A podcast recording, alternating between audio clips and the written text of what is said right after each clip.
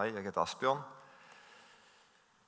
Og um, et sted i, um, et sted i Bibelen, da, Johannes 4, så leser vi om at Jesus møter ei dame ved en brønn. Det er en ganske kjent fortelling. Og Det er et ganske lang, lang fortelling i Bibelen. Det hele kapittel 4 egentlig handler om det. Og I løpet av den samtalen så sier Jesus noe til hun dama. Og det er bare et par uker siden at jeg, det var det faktisk en dame jeg var i telefonen med. og Så sa hun det verset, og så bare gikk det rett i magen på meg, eller i fletta. eller ikke fletta? da, det blir fort magen.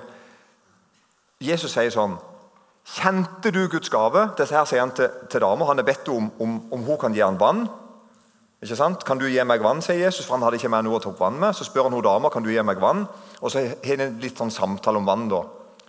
Og Så sier Jesus til henne, kjente du Guds gave? Og visste du hvem det var som sier til deg, gi meg å drikke? Da, så hadde du bedt han, og han ville gi deg levende vann. Og det, det, som på en måte slår i magen på meg, her, er at det, dette sier Jesus helt konkret til hun dama, med dette et vers som jeg også vil si til dere nå i kveld. Og det er at Jesus egentlig sier til deg altså Han sier til deg at hvis du visste hvem jeg er, hvis du visste hvem du har med å gjøre akkurat nå, da hadde du bedt om å få. Sant? Men Hun dama gikk det veldig godt med.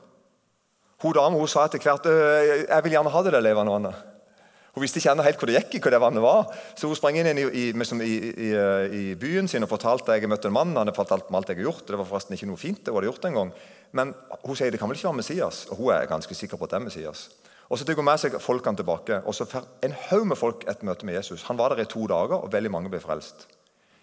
Men det spørsmålet jeg sier til deg, da Jeg vil si det egentlig sånn, er ganske trygg på dette. her da. Du som sitter her, du vet hvem han er.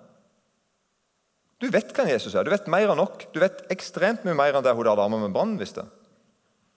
Hvorfor ber ikke du han om å få?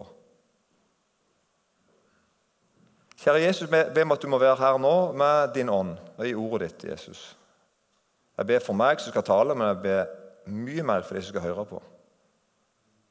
Jeg ber om at det må bli til liv for oss. For navnets skyld. Amen. Fenrik Fjell heter han. Høy mann, 1,90 sikker. Men helst sersjant Henriksen, en litt lagre mann og litt lagre rang. Jeg husker veldig godt når særlig, særlig sersjant Henriksen, men Fenrik Fjell gjorde det samme. De andre befalene vi hadde, de, de gjorde litt andre ting. På, på, morgenen så sto vi da 55, 55, 55. Vi sto en, et kompani bestående av tre tropper. Jeg var i tropp tre.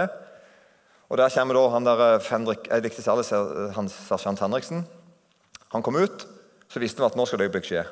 Snart skal vi stå i rett. ikke sant? Klokka nærmet seg seks. Hun var sånn ett minutt på seks på morgenen. Og Det han der sersjant Henriksen gjorde, det var at han gikk fram. Og før han gikk opp i, før han gikk opp i sånn Han måtte stå sånn når han ga oss ordre. ikke sant? Før han gikk opp i den, så sa han 'følg med'. Han gikk bort og så sto han sånn helt sånn stille og så sa han 'følg med'. Og Til og med vi som sto helt bakerst, hørte at han sa det. Og da visste vi følg med. Da visste vi at det betyr følg med. og Da fikk vi som et forvarsel. Og nå visste vi hva som skulle skje. For da sa han 'dropp', Og det bare klopp smalt alle støvlene i bakken. Ikke sant? Rett! En gang til.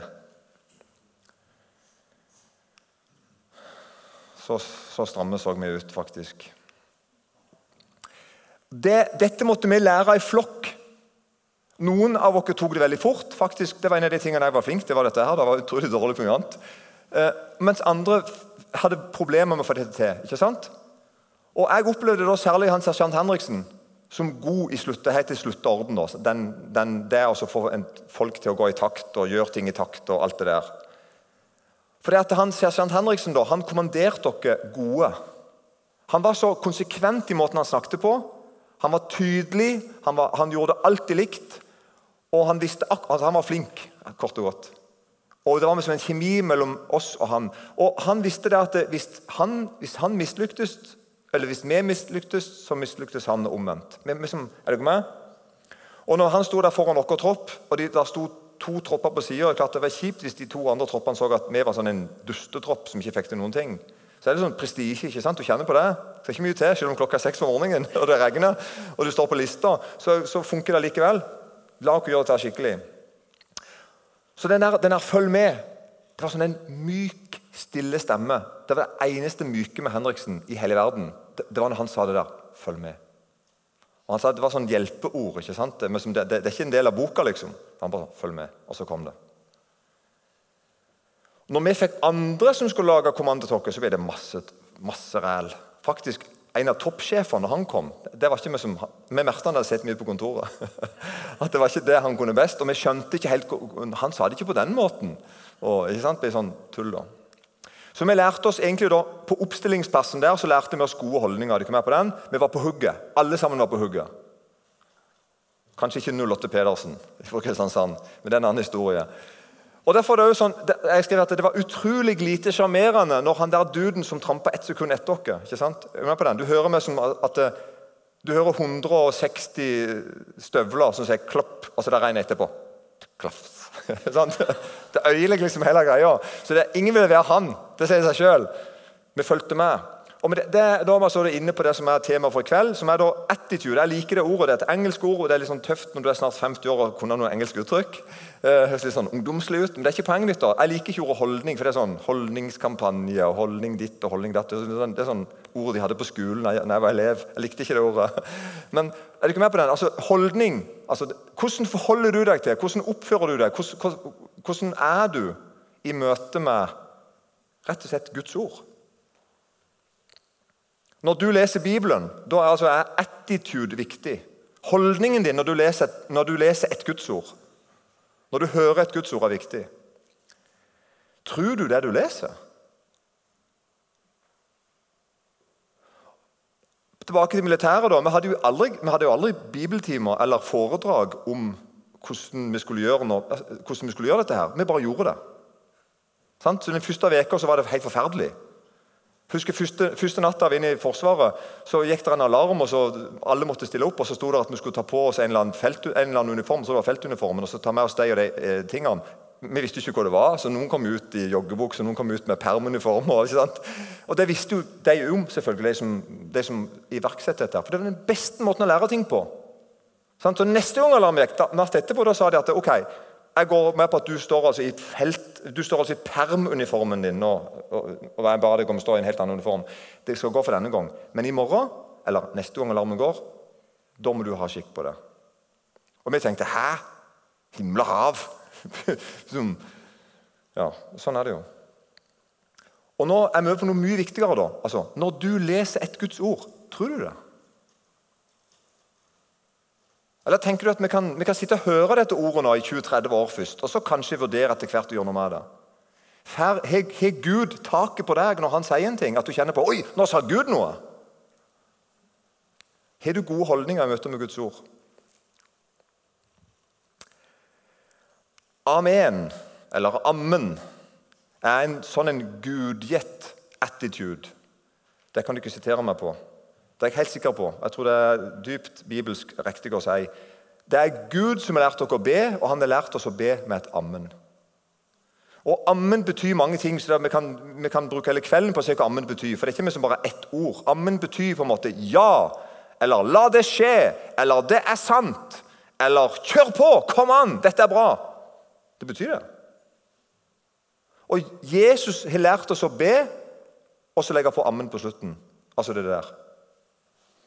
Luther, da, for de som liker han, sa for i 1535 i en bok som heter 'A Practical Way to Pray', så sier han på oversatt til godt norsk så sier Luther da om ammen du må alltid si ammen bestemt. Tvil aldri på at Gud i sin barmhjertighet helt sikkert vil høre deg og si ja til dine bønner. Tenk aldri at du kneler eller står alene. Interessant bønnestilling, da. Står eller kneler. Tenk aldri at du kneler eller står alene. Tenk heller at hele kristenheten, alle fromme kristne, står ved siden av deg. Og du står blant dem i en felles forent bønn som Gud ikke kan forakte. Så du får dere dette her? Luther må se for seg noe, ikke, ikke en fantasi, men noe som er helt sant. Og så sier han videre Ikke avslutt bønnen din uten å ha sagt eller tenkt 'veldig bra'. Gud har hørt min bønn. Dette vet jeg visst og sant. Og så slutter han. Det er det ammen betyr. Og Når jeg leser sånn, så får jeg sånn ståpels eller sånn. Jeg gjør det. sånn, Jeg kjenner på Å! Gjør du ikke det? Å! Sånn vil jeg òg be. Sånn vil jeg òg tenke. Og det vil jeg si til deg, dette tror jeg vi skal øve oss på. Det må du gjøre alene når du ber, og du kan gjøre det i lag med noen. Og tenke på at Jeg vil, også ha gode holdninger i møte med Gud. Jeg vil, når jeg ber til Gud, vil jeg tenke at han hører meg. Jeg vil tenke at han har omsorg for meg. Jeg vil tro på han. Jeg vil respektere han. Og nå skal vi bare ta en, en helt annen ting. da. Dette er, kanskje, dette er ikke bare, dette er ikke bare en helt annen ting, dette er den største tingen jeg har å si. Nå bruker jeg denne største tingen som et eksempel. Vi kunne ha brukt hundrevis av andre eksempler. Dette er det største og viktigste eksempelet, og den viktigste tingen mener jeg i livet ditt. Paulus han sier i Romerbrevet 6 og vers 1 så sier han, Hva skal vi da si? Og med det så mener jeg at i verset før, i siste verset i kapittel 5, da har Paulus sagt at der synden nest siste vers, der synden ble stor, ble nåden enda større. har han sagt. Er du ikke med på den? Altså Der det er, det er mye synde, der er det enda mer nåde. Og Jo mer synd det er, jo mer nåde er der. Og Så sier vi som Paulus nå øh, Hva skal vi da si? Skal vi forbli i synden for at nåden skal bli det større? For det kunne visst en tanke da. Å, kult, Da må vi bare synde mer, så blir nåden større. Nei, sier Paulus. Langt ifra. Vi som er døde fra synden, hvordan skulle vi ennå leve i den? Og Nå skal vi ha en god del vers nå. og nå, eh, Dere som har lest Bibelen mye, og kanskje til og med gått på bibelskole eller lest bibelkommentarer eller hørt masse undervisning, dere har det verst vanskeligst nå. For nå vil, vi, vi får tenke at jeg må få tak i alle sånne teologiske sannheter nå. Men Prøv å bare ta dette som det var første gang du fikk denne beskjeden. ok? Prøv å lese resten som at eh, nå sier Gud noe til deg. Jeg skulle til å si for første gang. Du som tror på Jesus, du, altså, du er altså død ifra synden. Hvorfor det? Jo, fordi at Jesus døde. Og Det at Jesus døde for dine synder, gjør at du er død for synden. Og Derfor så sier Paulus hvordan skal du leve i synden? Du er jo død ifra Så fortsetter vi da. Eller vet dere ikke at alle vi som ble døpt til Jesus Kristus, ble døpt til hans død? Vi ble altså begravd med ham ved dåpen til døden, for at liksom Kristus ble reist opp fra de døde ved Faderens herlighet, skal også vi vandre i et nytt liv. Er du ikke med? Vi, skjønner at dette er bra. Det, var noe som skjedde med Jesus, og nå skjer det med meg òg. Det, må jeg forstå, sier, sier uh, Paulus. For vi er blitt forenet med ham ved en død som er lik hans død. For er vi blitt forenet uh, med ham ved en død som er lik hans død, så skal vi også bli det ved en oppstandelse som er lik hans oppstandelse. Jeg er ikke bare dødd sammen med Jesus, jeg er stått opp sammen med ham. Er du ikke med? For vi vet at vårt gamle menneske det der som døde, ble korsfesta med ham for at syndelegemet skulle bli tilintetgjort, så, vi ikke, så vi ikke lenger skal være slaver under synden. Dette gjelder du som hører Jesus til, om du har bestemt deg for det akkurat når du kom inn nå i kveld, eller om du har hørt Jesus til i mange år. Enten du har forferdelig mange ting på samvittigheten din, tenker du, eller at du ikke har det. Om du har levd et dårlig liv eller et godt liv. Dette er sant til deg. Dette sier Paulus rett ut til folk sånne som meg og deg. Og, så, og nå kommer så, altså spørsmålet da, Han sier at 'vi vet'. Så jeg spør vet du ikke dette. Paulus mener at vi vet det. Eller bare sier vi at ja, det, vi skulle nok ha trodd på det. eller vi skulle nok ha... Nei, nei, nei, nei, nei. Paulus sier vi vet det. Men døde vi med Kristus, der tror vi at vi også skal leve med ham. For vi vet at etter at Kristus er reist opp fra de døde, dør han ikke mer. Døden har ikke lenger noe makt over ham. For sin død den døde han en gang for synden, men sitt liv det lever han for Gud. Så kommer det. Slik skal også dere regne dere som døde for synden, men levende for Gud i Kristus Jesus. Noter deg det. Det skal du gjøre. Han sier ikke at du skal føle det, eller du skal vente til du våkner en morgen og kjenner på å, nå er jeg på plass. Nei, Han sier nå. Du skal nå her nå begynne å regne deg som død for synden. Og så la derfor, av den grunn, ikke synden hersker deres dødelige legeme, så dere lyder dets lyster. Altså Det er grunnen. Jeg skal regne meg som død for synden pga. at Jesus døde for meg. Og hans død er min død. Og nå vil jeg tenke sånn som Bibelen tenker. Og da blir på en måte Den logiske konsekvensen for Paulus blir da å si Still heller ikke lemmene, og det er jo å kroppen. Still heller ikke lemmene deres til rådighet for synden. Som våpen for urettferdighet. Men framstill dere selv for Gud som de som av døde er blitt levende. Og by deres lemmer fram som rettferdighetens våpen for Gud. Det er ganske lett å henge med. egentlig. Altså, vi skjønner hva han sier, gjør vi ikke det?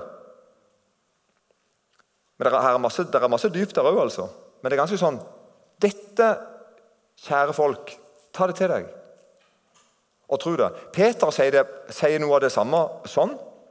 I 1. Peters, i 1. Peters brev kapittel 4 vers 1 og 2 så sier Peter sånn da, nå, da nå altså Kristus har lidd i kjødet, som også dere væpner dere med samme tanken. At den som har lidd i kjødet, er ferdig med synden. Slik at dere ikke lenger skal leve etter menneskers lyster, men etter Guds vilje i den tiden dere ennå skal være i kjødet. Og Her skal jeg bare stoppe med én ting. Ser du ikke det? Vers 2 begynner med 'slik at'. Grunnen til at Peter sier det, tror jeg er for at jeg skal si det videre til dere. At Peter sier ikke at du ikke skal bare vite dette her og kunne dette, her, men Peter sier at du skal vite det og, og, du skal vite det og kunne det slik at, slik at du gjør det. Er du ikke med? Du skal ikke vite og kunne det for en annen grunn, men du skal, du skal vite og kunne det slik at du rett og slett lever et nytt liv. Så altså, Hva skal vi gjøre med dette vi akkurat har hørt? Du skal tro det. Hva er det å tro det? Hva vil det si å tro det vi akkurat nå har hørt? Jo, det er å praktisere det. Det sier seg sjøl. Vi har akkurat hørt at Jesus sier at vi skal, eller Bibelen sier at vi skal regne oss som døde. Vi skal stille lemmene våre fram for Han. Vi skal, vi skal væpne oss med en tanke om at Han er død for oss, at ikke lenger synden skal ikke lenger herske over meg. Det er på ordentlig. Vi skal gjøre det. Vi skal leve det ut. Og Da blir nesten bare spørsmålet til deg vil du det. Ønsker du det? Ønsker du et liv der du tjener rettferdigheten? Ønsker du et liv der du regner deg som død, og du stiller foran Jesus og sier 'Bruk hele meg i ditt rike, etter din vilje'? Eller har du planer om å gjøre det? Eller er det litt sånn trygt å bare henge fast med å snakke litt om hvor syndig du er, og hvor vanskelig det er, sånn, og så være bare der. og så høres det litt sånn, ja, I visse miljø så høres det ganske bra ut å si. Det er litt farlig. På, en, på, et toalett på et bedehus et sted på Sørlandet Det er bare en huskeregel til meg sjøl. Sånn altså dere eh, bare for å gjøre dette konkret, da. På en dass på Vemmestad bedehus i Kvås. Jeg bare ser hvor det er henne. Inn døra til høyre. Der satt jeg, og klokka var ett på halv åtte, og møtet begynte halv åtte. Og det var aldeles stinn brakke der inne. Og Jeg satt der klokka ble halv åtte, og jeg satt der klokka ble ett over halv åtte. Og jeg vurderte helt seriøst om jeg skulle gå hjem. Reise vekk, ta bilen og stikke. Kjøre vekk, forsvinne, fordufte. For alltid. Og Jeg var sammen med en annen predikant som heter Knut Pedersen. Jeg husker at jeg var 22 og han var 44. Jeg husker at Han var dobbelt så gammel som meg. Jeg syns han var ekstremt gammel. Jeg syns ikke det lenger. Men så tenkte jeg jeg kan jo ikke det. Grunnen til at jeg ville gjøre det, var det at den dagen hadde jeg fått besøk av en kamerat som jeg hadde gått med på folkeskole og på bibelskole et par år før. Og Så kom han på, på besøk med sin, eh, med sin grønne Taunus, for Taunus. Kom han på besøk til meg den dagen jeg hadde møteuka der. Og vi var ute bare hele dagen. Vi var faktisk i Lyngdal og bowla midt på dagen. Og vi åt pommes frites med ost på, og vi hadde det gøy. og bare herja rundt. Og det var min tur til å, det tur til å forkynne den kvelden, og jeg, jeg gjorde ingenting. Jeg åpna ikke Bibelen, jeg ba ikke, jeg brydde meg ikke. Jeg var sammen med kompisen min hele dagen. Og så når jeg så på klokka at nå må vi faktisk kjøre opp igjen fra Lyngdal til Kvås, er det bare ti minutter, men nå må vi kjøre opp igjen, jeg, skal, jeg må ta meg en dusj, og så skal jeg på møte. Og da visste jeg at jeg er synder. For det første jeg skulle ikke ha jobben, egentlig. Det er, no, det er den første ting, sant? Jeg, jeg, var ikke på jobb. Altså, jeg gjorde ikke jobben min. Og for det andre så hadde ikke jeg brydd meg bedre om noen av det jeg skulle forkynne til. Derfor satt jeg på dassen og gjemte meg klokka halv åtte. Grunnen til at det er relevant det vi snakker om nå, er det er da sånne ting det er da sånne ting er interessant å kunne. Ikke sant? At Nå må jeg tenke noe om meg, nå må, jeg, jeg be til Gud om å få en frimodighet som ikke er fra meg, som ikke bygger på det jeg har gjort. Jeg tenkte ikke så langt, jeg tenkte jeg må inn til Knut innrømme at jeg ikke kan tale i kveld. Så det gjorde jeg. da. Fint for han klokka to over halv åtte. Mens musikklaget sto og stemte trekkspillet sitt. eller et eller annet, jeg husker ikke hva de gjorde. Du, jeg vet ikke om du stemmer trekkspill heller, men det skulle iallfall ha gjort det. Så gjenger jeg, så jeg, og snakker med Knut, og så sier jeg Knut, ja, kan, så sa jeg det bare rett ut. Jeg, jeg har vært en sopp i dag. altså Jeg, har ikke gjort noen ting. Og han, jeg tror han visste det òg. Vi bodde på samme plass, så han så jo ikke jeg var der. Og så ble han helt alvorlig. Han sa ikke 'ja, ja, det gjør ingenting'. Han ble helt alvorlig, og så sa han til meg mens da skjedde masse folk rundt dere, så sa han noe sånn som Han sa flere ting, men han sa bl.a.: Hva hadde du tenkt å, forkynne om hvis du hadde hatt det bra i dag? Så sa han nei, det hadde blitt noe med Jesus, da. Sa jeg. Så sa han jeg tror du skal si det i kveld òg. Var du ikke med på den? Så fikk jeg da få minutter til liksom å snakke ut med Jesus. Jeg måtte bekjenne for ham, sånn som jeg gjorde for, sånn jeg gjorde for Knut. Jeg måtte bekjenne for, for, Gud og si du ser hvem jeg er. Nå vil jeg gjøre et, noe mirakuløst noe. Jeg vil be om å få en riktig frimodighet, så jeg kan gå fram på en talerstol og si noe ifra Gud for deg om. På tross av hvem jeg er. Er du ikke med på den? Tror du ikke det møtet gikk bra? Nei, det gikk ikke sånn greit. Så Det var ikke en sånn happy ending-historie. da, Men poenget var at jeg gjorde, jeg gjorde, det. Og da lærte Knut Pedersen meg noe. At skal du få frimodighet, så må du få det for Gud.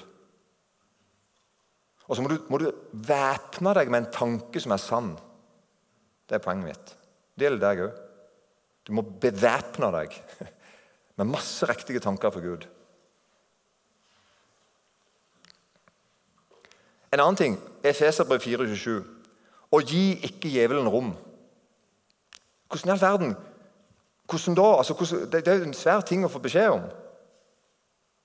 Men det er sant.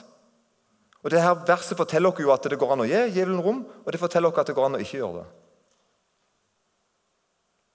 Jeg syns at Jakob 4 og vers 7 svarer egentlig litt på det og sier Vær derfor Gud undergitt, men så djevelen imot Står djevelen imot, så skal han fly fra dere. Det, ser ut som at når, som at når vi bøyer oss for Gud og respekterer han, han øh, gjør han til herre i livet, så fly Satan.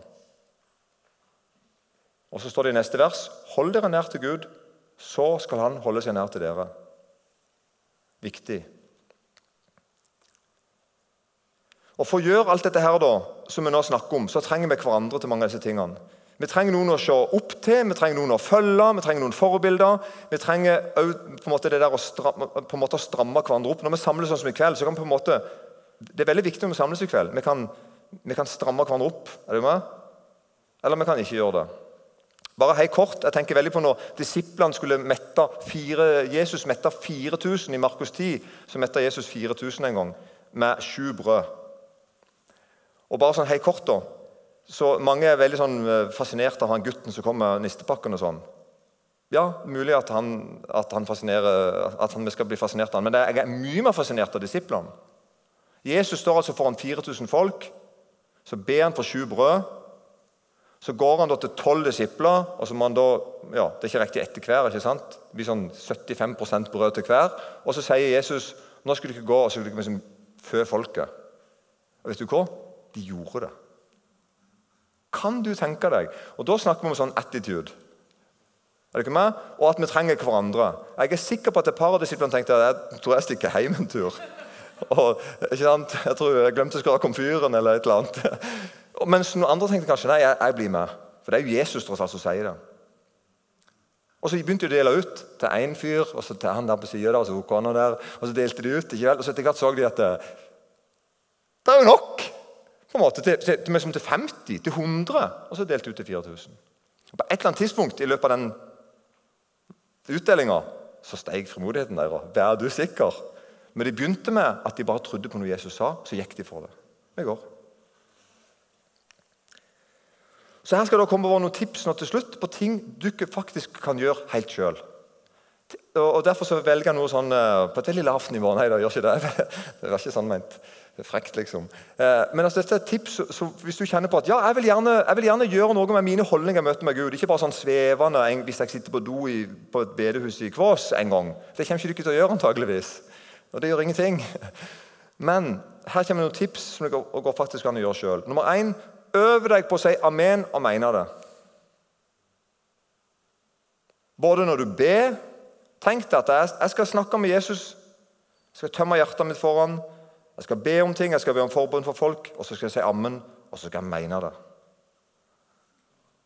Er dere med på den? Litt sånn 'ja da!' inni seg, da, kanskje.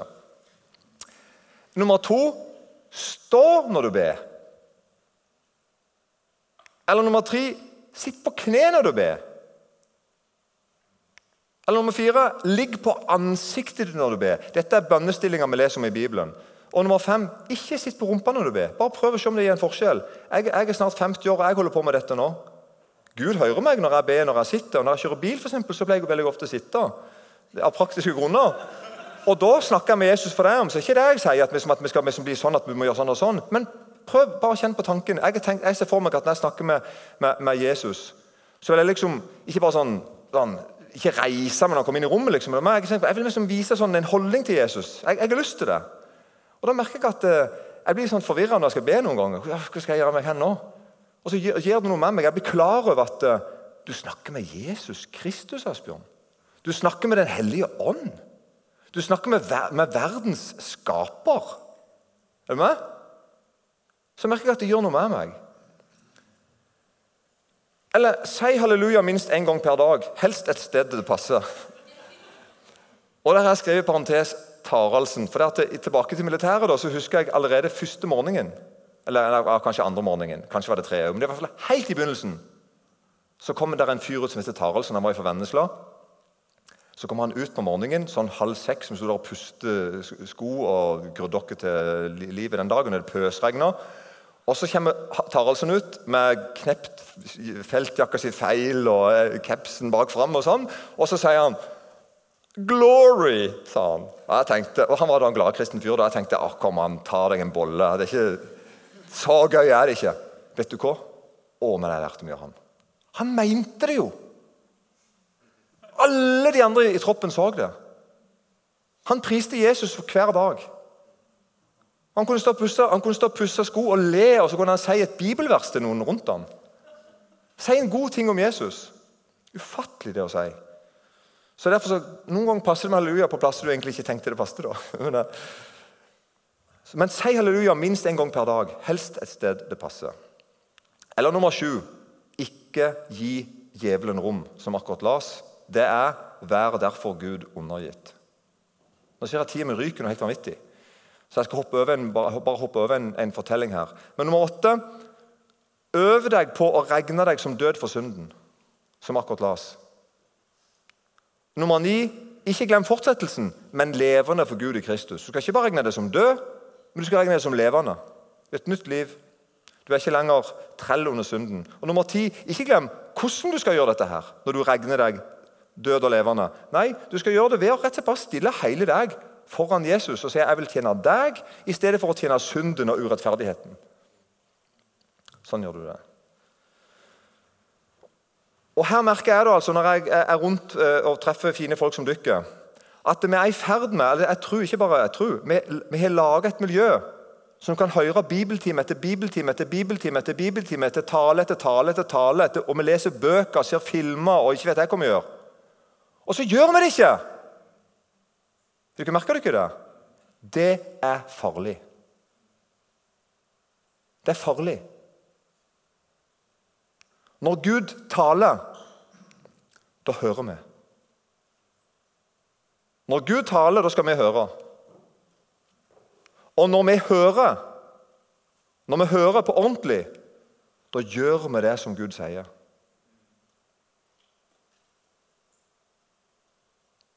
Så Paulus sier ikke hvis du ikke har tid en gang, så ta og sett dere ned og så diskutere litt om dere vil regne dere som døde for synden. Han sier ikke det. Han bare sier 'gjør det'. Gjør det. Gjør det nå.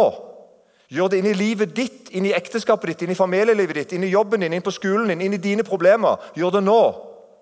Gjør det på tross av alle de tingene som ja, jeg passer ikke akkurat nå. jeg ikke det sånn og sånn. Gjør det nå. Regn som død. Takk, Jesus, at du døde for mine synder. Takk at du, du døde min død. Takk at du tok min straff. Takk at du vant over alle mine, alle mine synder, alle mine nederlag. Og takk at du sto opp igjen, og da sto jeg opp igjen. Takk at jeg har fått et nytt liv. Helt avgjørende. Og Dette her er en gudgitt holdning. Det å tenke at når jeg leser et ord, skal jeg gjøre det. Og Den holdningen kan du øve opp, eller du kan slippe den ned.